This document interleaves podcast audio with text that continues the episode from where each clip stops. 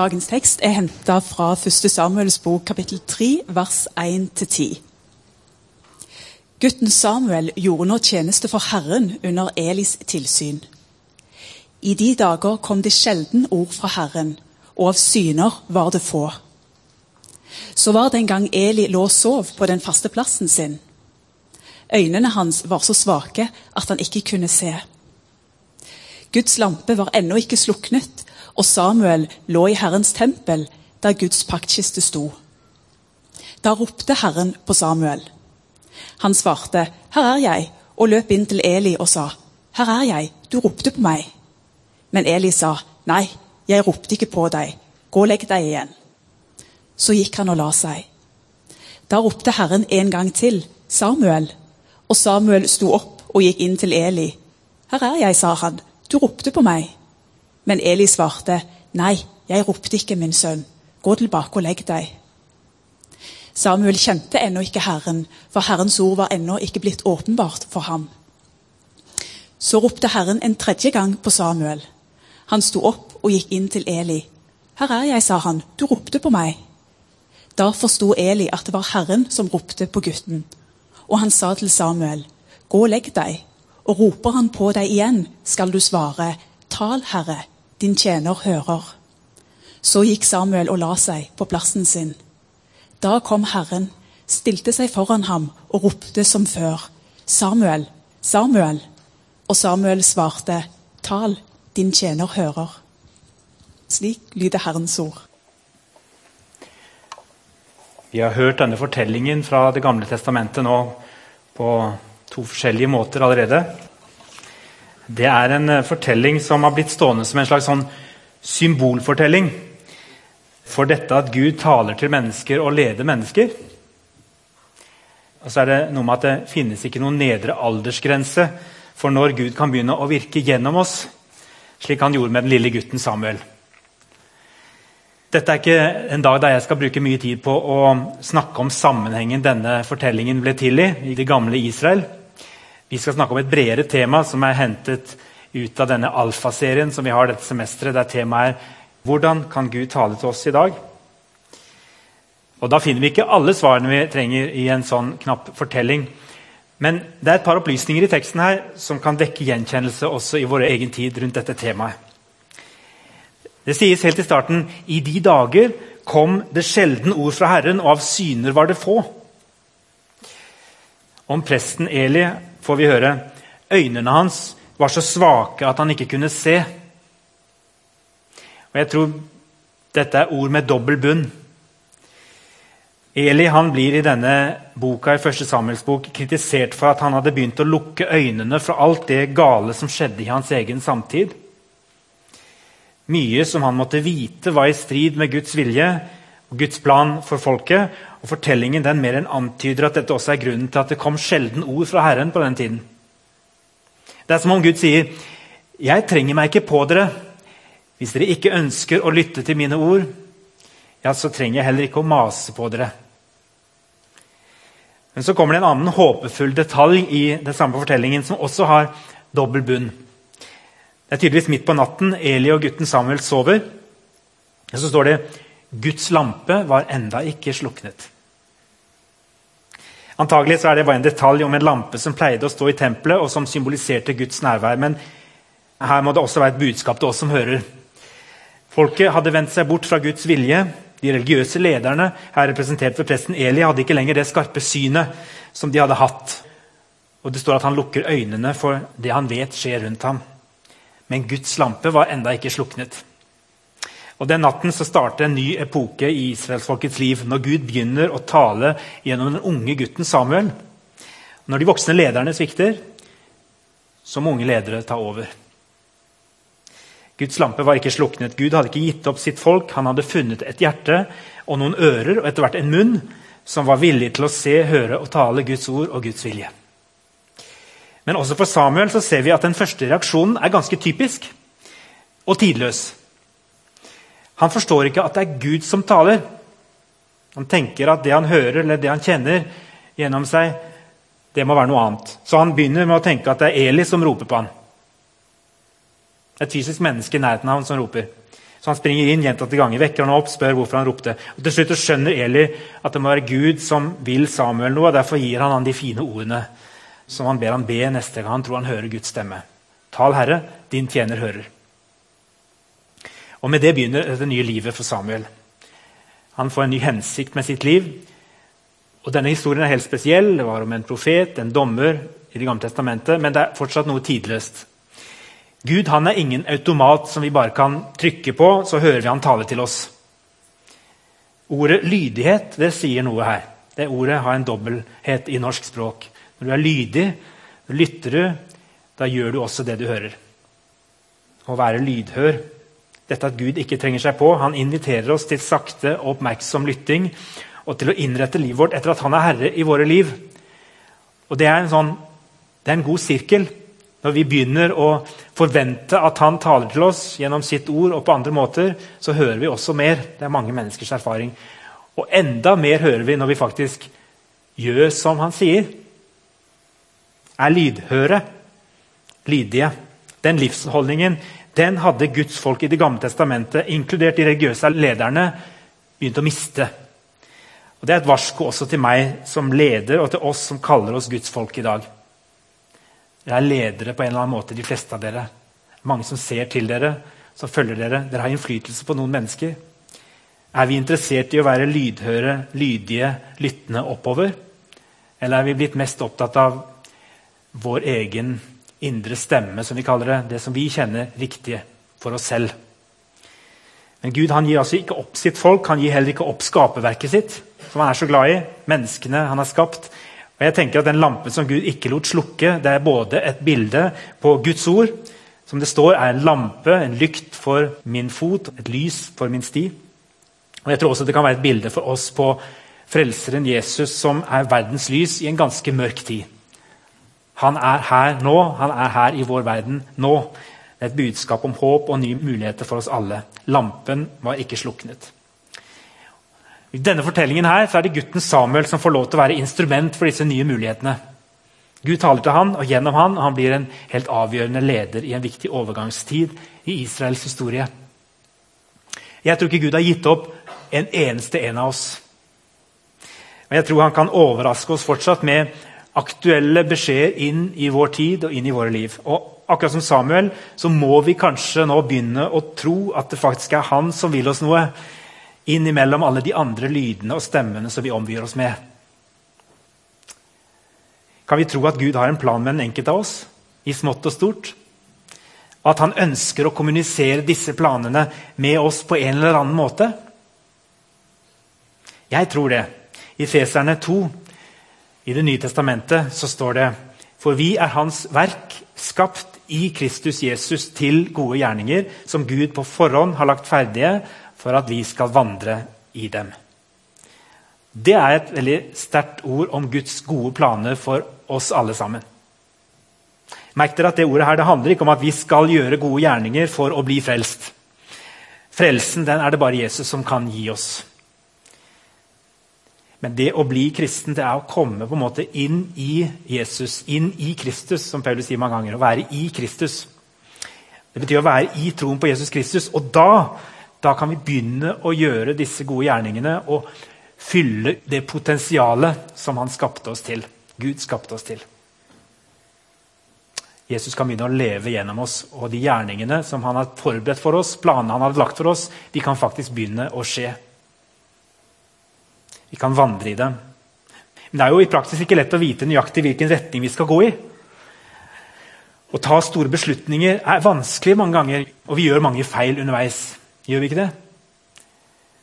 Jo, det er ingen av oss som går rett fram etter Guds plan og vilje helt og fullt. Det er ingen av oss som har måte, denne hele og fulle sannheten inni oss. Uansett hvor lenge vi har hatt Gud i livet vårt. I Alfa-serien så brukes det et ganske godt bilde. syns jeg. Et moderne bilde.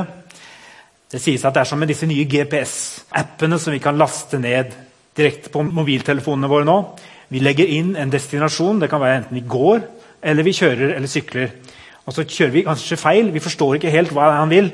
denne GPS-en, Så har vi plutselig havna et litt annet sted. Og Da gis det ofte to alternativer. Enten så bes vi om å gå tilbake der vi var, og på en måte rette opp igjen. Og komme oss tilbake på akkurat den samme kursen vi var på. Men relativt ofte så omgjøres kursen sånn at vi finner en annen vei med utgangspunkt i det stedet vi er på nå.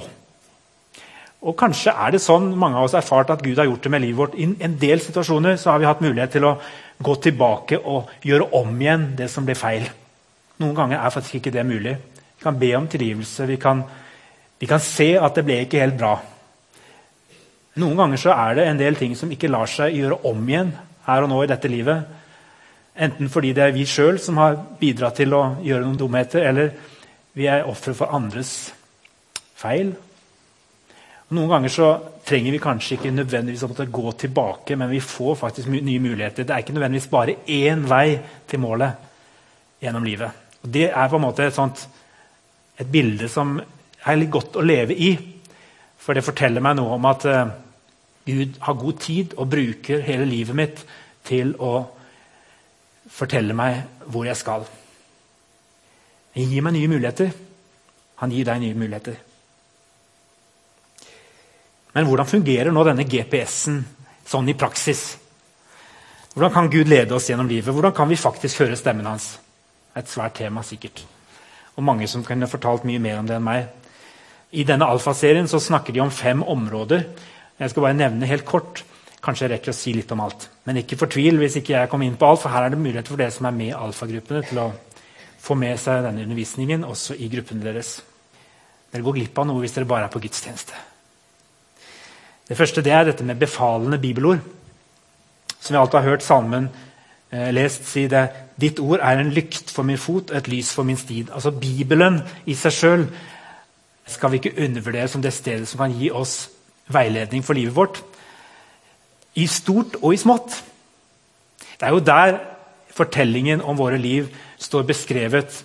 Både om hva som har skjedd før, den fortellingen som vi er en del av, og hva som skal skje i stort framover. Og vi kan rette oss inn etter dette. Denne Guds kjærlighet som kaller på oss, og som tar oss ut av kanskje det livet vi har levd før, eller vi har vært sammen hele veien. Men det er hele tiden denne store fortellingen og de mange enkeltordene som for meg blir bare større og større jo eldre jeg blir. Bibelen den er, på en måte fornyer seg selv hvis vi lar han få lov til å tale til oss gjennom den. Og så tenker jeg at eh, Den inneholder også mange ord om konkret hvilken retning han ønsker at vi skal ha i livet. Hva vi skal gjøre, hvilke valg vi skal ta. For så sier Nikki Gumbel at, eh, at de trenger ikke å gå rundt og lure på om det er riktig å betale skatt. Det er ikke noe at Vi må liksom spørre Gud om å få en spesialbeskjed om det. For det sier Jesus ganske tydelig at vi skal gjøre. og det er ganske tidløs beskjed. Vi skal innrette oss etter sånne gode ordninger som er i samfunnet vi lever i. Vi skal gi skatt både til keiseren og vi skal gi Gud hva som hører han til. Så forteller han en god historie om mannen som nettopp hadde blitt kristen. Han skrev et brev til skatteetaten. Kjære skatteetaten. Jeg har nettopp blitt kristen og kan ikke sove om natten. Så her får dere 1000 pund som jeg vet jeg skylder. PS. Hvis jeg fortsatt ikke får sove, vil jeg sende resten. Det er liksom litt sånn, Av og til så er det akkurat som vi går hele tiden og spør er det egentlig det Gud vil. Så stiller spørsmål om ting som på en måte vi egentlig vet er egentlig rimelig klart, fordi om vi kanskje ikke klarer å leve etter det. Men det er fortsatt sånn at Bibelen skal vi lese på sine egne premisser. Og Der den er vanskelig å forstå, så skal vi lese den i lys av andre ting som Bibelen sier andre steder. Men den lar seg lese og forstå også i vår tid. Og Jeg tror det handler mye om å gi oss sjøl Når vi bestemmer oss for å følge Jesus og være kristen, og faktisk ha en sånn tillit til at Gud vil oss vel, og det formidler han gjennom Bibelen. Å ha en tillit til Guds ord det tror jeg også starter denne gode sirkelen der han begynner å gi oss veiledning også om konkrete små og store ting i hverdagen. Det er jo ikke sånn at en skal plukke opp Bibelen og liksom bare slå opp et ord og si at nå trenger jeg veiledning om dette. Nå, Gud, svar meg her og nå. Noen har jo på en måte fått, uh, fått veldig viktige ting gjennom det. Andre, så, andre ganger så, så, fungerer ikke det. Men, men, jeg tror fortsatt likevel på at det å lese Bibelen regelmessig og det å leve i Guds ord gir også sånne konkrete veiledninger til ting som skjer i livet vårt. Og når jeg gjengir noen sånne episoder fra mitt liv, så er det ikke fordi jeg tror at jeg er spesielt from, eller for at det skjer mye i mitt liv, men jeg skjønner at hvis ikke vi kan nevne konkrete ting, hvis ikke vi forteller hverandre om det konkrete vi tror har skjedd, så, så kan det lett være at dette blir jo bare teori. Dette er bare en idé. Og i Noen av mine episoder noen kan jeg ikke fortelle fordi de er altfor personlige, og de handler kanskje om andre mennesker. Og De kan kanskje virke platte for dere, men de er utrolig viktige for meg. Et av de er, er dette at jeg på et viktig tidspunkt når jeg skulle ta en avgjørelse om hvor jeg skulle studere, hva jeg skulle bli i livet, så var det et bibelvers som ble veldig tydelig for meg. og det var det som, Der Jesus sier 'Slik som Far har sendt meg, sender jeg også dere'. Og så ble det tydelig for meg at det var, det var noe med måten Gud sendte Jesus på. Han sendte han langt. Og for meg der og da så ble det en, en slags innskytelse om at kanskje jeg ikke skulle være blant de som bodde i nærheten. Kanskje jeg måtte reise langt. Og så fortsetter jeg å forfølge den tanken. Og så var det et problem med det at Noen, noen sa til meg, noen utfordra meg på at jeg skulle studere teologi, men jeg hadde ikke lyst til det i det hele tatt. Jeg hadde ikke lyst til å bli prest. Jeg hadde lyst til å bli lege. Så sa noen til meg at det kan hende du skal be Den hellige ånd om veiledning, sånn at du får lyst til å gjøre det som er etter hans gode vilje. Og hvis det er etter hans gode vilje at du skal bli lege, ja, så så fortsetter du å kjenne på en fred i forhold til det. Hvis det ikke er det, så skal du be han om å, å få lyst til noe annet. Og Så begynte jeg å be den bønnen, og noen ganger kom bønnesvaret ganske raskt. for bare et par-tre dager etterpå. Etter at jeg på en måte hadde stilt meg litt i disposisjon for det å bli misjonær, så, så kom det et program på TV som het Sosialkanalen den gangen. og Da var det intervju med mange lege, nei, nyutdannede leger som eh, som hadde et veldig viktig budskap til unge mennesker. De trodde det var altfor mye romantisering rundt legeyrket. De mente det var mange som ikke visste hvor krevende det var å være leger. Og de ville at folk skulle tenke seg nøye om før de studerte og ble leger. Det var, ikke, det var et kall. Det var noe man virkelig måtte ha lyst til. Og så plutselig tenkte jeg, oi, Dette var jo en alvorlig sånn brems for meg. For jeg visste jo så veldig mye om hvordan det var å være prest. Jeg hadde en tanke om at å være lege det kom til å bare være kjempegøy. Så jeg fikk anledning til å gå igjen og tenke litt over dette her på nytt. Og så var det også andre bibelord som leda meg til å begynne å studere teologi. Da. Det var meg. En stund senere så fikk jeg meg en kjæreste, og så var det et veldig viktig ord som, som hjalp meg når, når, det plutselig ikke ble noe mer med henne. Og jeg tenkte, Det var jo dette som var tingen, for dette leder jo meg til å bli misjonær. At jeg får med meg en person som har lyst til å være med meg på dette oppdraget. Hun hadde jo lyst til det. Og så plutselig så ble det slutt. Hva er det nå? Liksom, det skjønte ingenting. Og da var det et bibelord som talte veldig sterkt til meg og som ga meg en utrolig fred. Og som gjorde at uh, jeg tenkte ok, det var enda godt. Hvis det ikke var henne, så var det enda godt at jeg ble stoppet nå. Og så fikk jeg den gode roen over den situasjonen. Jeg skulle fortsatt vente og se hva Gud hadde av planer for meg. da. Hør med til historien at det ble den samme dama jeg dro til Brasil med. Uh, men jeg måtte vente litt på henne. Og En stund etterpå, midtveis i Misjonshøgskolen, så, så hadde vi klare planer om at vi skulle til uh, til, vi diskuterte eller heftig om vi skulle til et afrikansk land eller til et europeisk land. og Vi så for oss at vi kanskje skulle til Kroatia. Og Vi gikk og snakka med noen på NMS og spurte om uh, mulighetene for å reise til Kroatia. For det var kanskje det enkleste, fordi uh, vi ble ikke enige om hva, hvilket land i Afrika det kunne være aktuelt å reise til. Og Så begynte han uh, vi med plutselig å om Brasil. Og Det syntes vi var litt pussig. Vi hadde aldri tenkt på Brasil i det hele tatt. Så gikk vi fra det møtet, for Han hadde også ansvar for Brasil. Og Så gikk vi fra det møtet og, og sa det, det er helt uaktuelt, men det var jo morsomt at han skulle nevne det. Han var spesielt opptatt av en del av interessene våre. og forskjellige ting, og Kanskje det kan egne seg for dere. Vi kan ha bruk for dere der. Og Den sommeren så handla det om Brasil overalt. Vi følte liksom at det, skjedde så mye gjennom, gjennom den sommeren som, som, i nyhetene. og Det var fotball og det var forskjellige ting som liksom ble minnet om Brasil. og Plutselig ble Brasil veldig spennende. Så gikk vi tilbake til han og skulle ha en ny samtale etter sommeren. og så sa Vi du, eh, vi driver og tenker på Brasil hele tiden. vi nå. Lurer kanskje på om det er det vi skal eh, tenke på likevel. Å, se. Hvor fikk dere den ideen fra? sa han. Nei, Det var jo du som begynte å snakke om dette her på forsommeren. Å ja, det husker jeg ikke, sa han. ja. Seinere i livet så opplevde jeg å bli ganske eh, bli, bli sjuk og bli stoppa opp. Og Da gikk jeg en, en gang eh, en tur, og så hørte jeg en stemme som sa inni hodet mitt Ta pause fra meg, og kom ikke tilbake før du kan møte meg som din far og venn, og ikke som din arbeidsgiver. Og det kan selvfølgelig være noe jeg hadde lest nettopp, eller noe noen hadde sagt til meg nettopp. Men jeg har liksom måttet øve meg litt opp å ikke svare sånn som Samuel. at det må jo være noen som bare har sagt dette til meg nettopp. Men for der og da så var det en setning som var utrolig viktig for meg, og den ble på en måte prosjektet mitt de neste månedene. Ta pause fra meg, sa Gud, og kom ikke tilbake før du kan møte meg som din far og venn, og ikke som din arbeidsgiver. Noen vil kalle det tilfeldigheter. Andre vil si at Gud han prøver å komme i kontakt med oss hele tiden på ulike måter. Men vi skal kanskje kjøre en test når vi opplever slike ting. Vi skal spørre oss noen sånne testspørsmål. Vi skal spørre oss, Er det støtte for dette i Bibelen. Vi skal ikke holde på med ting som ikke har støtte i Bibelen. Går det direkte mot noe av det Bibelen sier? Er det styrkende, er det oppmuntrende, er det trøstende? Og fremmer det kjærlighet? Hvis det ikke er i kjærlighet, så er det ikke fra Gud. Og ikke minst, føler du Guds fred i den beslutningen som du nå tar som følge av dette du kjenner at Gud minner deg om?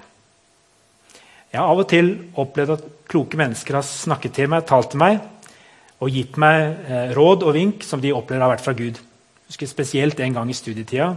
Men det skjer med regelmessig mellomrom. En gang så kjente jeg at jeg ble veldig utfordra og veldig urolig. Og kjente at det gjorde ganske vondt. Og Så gikk jeg til en annen klok person som også hører fra Gud. Og Så ba vi over det, og så sa han jeg tror ikke du, dette er ikke en sånn sak som du skal forfølge eller gjøre etter hvis du ikke kjenner på fred. Og du kjenner fortsatt på ufred over dette som ble sagt. Du kjenner ikke at dette er riktig. Da skal du få legge det fra deg. Og det gjorde jeg, og jeg vet i ettertid at det kan ikke ha vært Guds stemme.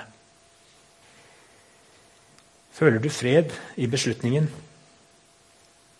Lytt til kloke mennesker som også ønsker å være lydhøre for Guds stemme. Vær en del av det kristne fellesskapet, for Gud snakker ikke bare til enkeltmennesker, men når han sier noe viktig, så har han ofte også sagt det til flere samtidig. Søk bekreftelse. Og så har jeg lyst til å utfordre Sigbjørn til å komme opp og dele litt av sine erfaringer med hvordan vi kan bli ledet av Gud. Ja, altså For meg så så er det viktig at, um, å, ha, å, ha, tid med Gud. Og, og sette meg ned i, og få stillhet, litt sakte tid. Og være i bibel og bønn. Det er, en, det er en måte der Gud taler til meg på, eller leder meg. Også ikke minst å være i miljøet, sånn som gjerne bibelgrupper, cellegrupper, eller der en gjerne snakker om de her tingene her, og gjerne forventer at jo, faktisk Gud leder. Det er faktisk noe han kan gjøre, og det, det skjer. Og det der, og heller ikke være redd for å trø feil. At en liksom heller ser på det som en læringsprosess, der en faktisk av og til trør litt feil og ikke helt er på G eller på rett spor. Det kan egentlig bare snus til noe positivt, for det kan en lære av. Og så tror jeg, For meg er det viktig at jeg ikke sammenligner meg med hvordan andre blir ledet av Gud. For Vi kan bli ledet av Gud på så veldig mange måter. Guds ord er jo en måte en blir ledet på eh, gjennom tanker, gjennom andre mennesker Gjennom sang, gjennom naturen, gjennom opplevelser, hendelser. Mange forskjellige måter. Og Så tror jeg Gud leder litt ut ifra hvilken personlighet du har. Og Jeg er nok en sånn person som liker å bare trø ut i ting og gjøre ting gjerne litt for fort før jeg har fått tenkt meg for mye om. Og Da er det sånn at Gud må gjerne ofte lede meg litt og korrigere meg litt. Så når jeg skulle tenke litt over det her med å bli ledet av Gud, så så jeg at oi, Gud han, han korrigerer meg en del, faktisk. Og Derfor er det et vers i Ordspråkene 16 som har blitt viktig for meg, der det står at eh, Legg dine gjerninger i Guds hånd, så skal dine planer lykkes. Og Jeg tror det handler om at vi kobler på Gud i alt vi gjør, og alle, alle valgene vi tar.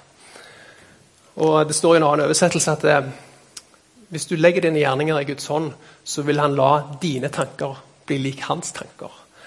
Og da skal dine planer lykkes.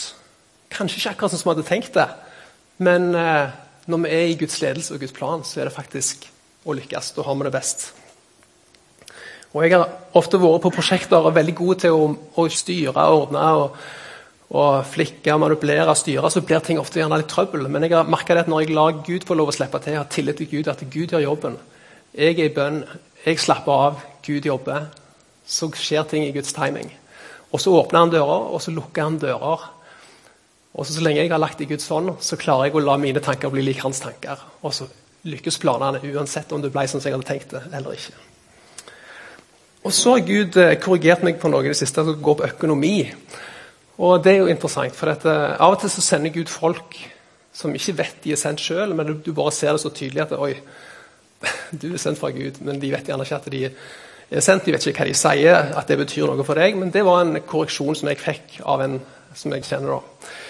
Og så er det av og til sånn at Når du får en ledelse eller korreksjon, så er det sånn at Gud bekrefter det gjerne ofte. Så jeg eh, leste Bibelen en dag og, og, leste om Saul. Og det bare slo meg så kraftig, den historien med, med Saul som får beskjed av Gud om å gå på krigstokt. Og så får han beskjed av Gud du skal ødelegge alt av krigsbytte. Får ikke lov å ta med deg noe hjem. Og så går de ut i krigen, og de vinner krigen, og så er det jo så mye fint krigsbytte. da, vet du. Sauer og geiter og kyr og gull og sølv. Og så tenker Saul Og det høres jo veldig fornuftig ut. Ja, jeg tror jeg tar med meg litt av dette byttet hjem. Det kun det fineste. Og så kan vi bruke litt av dette offeret fra Herren, liksom. Og så får han beskjed av profeten senere som sier at Saul, Gud vil ha lydighet heller enn offer.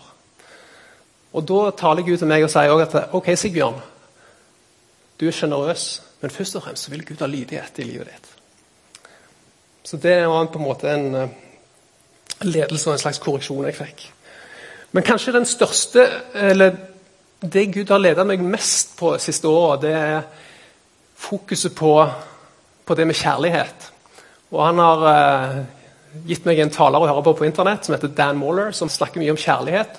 Og Det har gjort noe med fokuset mitt, og snudd fokuset mitt litt opp ned i livet mitt. i forhold til at igjen at jeg er en type som gjerne liker litt resultat. Jeg har liksom vært interessert i det med helbredelser og mirakler og se ting skjer. og At vi vil ha en del resultat. Men så er det sånn at eh, Gud bare korrigerer inn og sier ja, men Sigbjørn, hvis ikke du gjør de her tingene i kjærlighet, så er de faktisk ikke verdt noe som helst. Hvis ikke du sjekker motivet ditt på hvorfor du gjør disse greiene, her, så kan du egentlig bare glemme det. For dette, Det står i 1. Timoteus 1,5 at målet for ditt oppdrag er kjærlighet. først Og fremst. Og Så kommer de andre tinga i kjølvannet av det her. Selvfølgelig er det bra med helbredelser og de overnaturlige tinga, men det, det handler om kjærlighet. Og Det som det med kjærlighet også har vist meg at eh, de folka som jeg gjerne tenkte jeg aldri kunne være sammen med, eller de som jeg ikke kunne gjøre ting, jobbe med, eller, de har plutselig blitt de viktigste mentorene i livet mitt. For jeg fant ut at det var ikke de som skulle forandre seg, det var jeg som skulle forandre meg. Og Dermed så har de skvisa meg, tråkka meg på tærne. Og så er det sånn, Hva er det som skjer da? Det hvis vi skviser en appelsin, så kommer det appelsinsaft ut. Hva skjer hvis vi skviser en kristen? Hva skjer hvis jeg blir skvisa? Jo, da kommer det gjerne ut litt frustrasjon.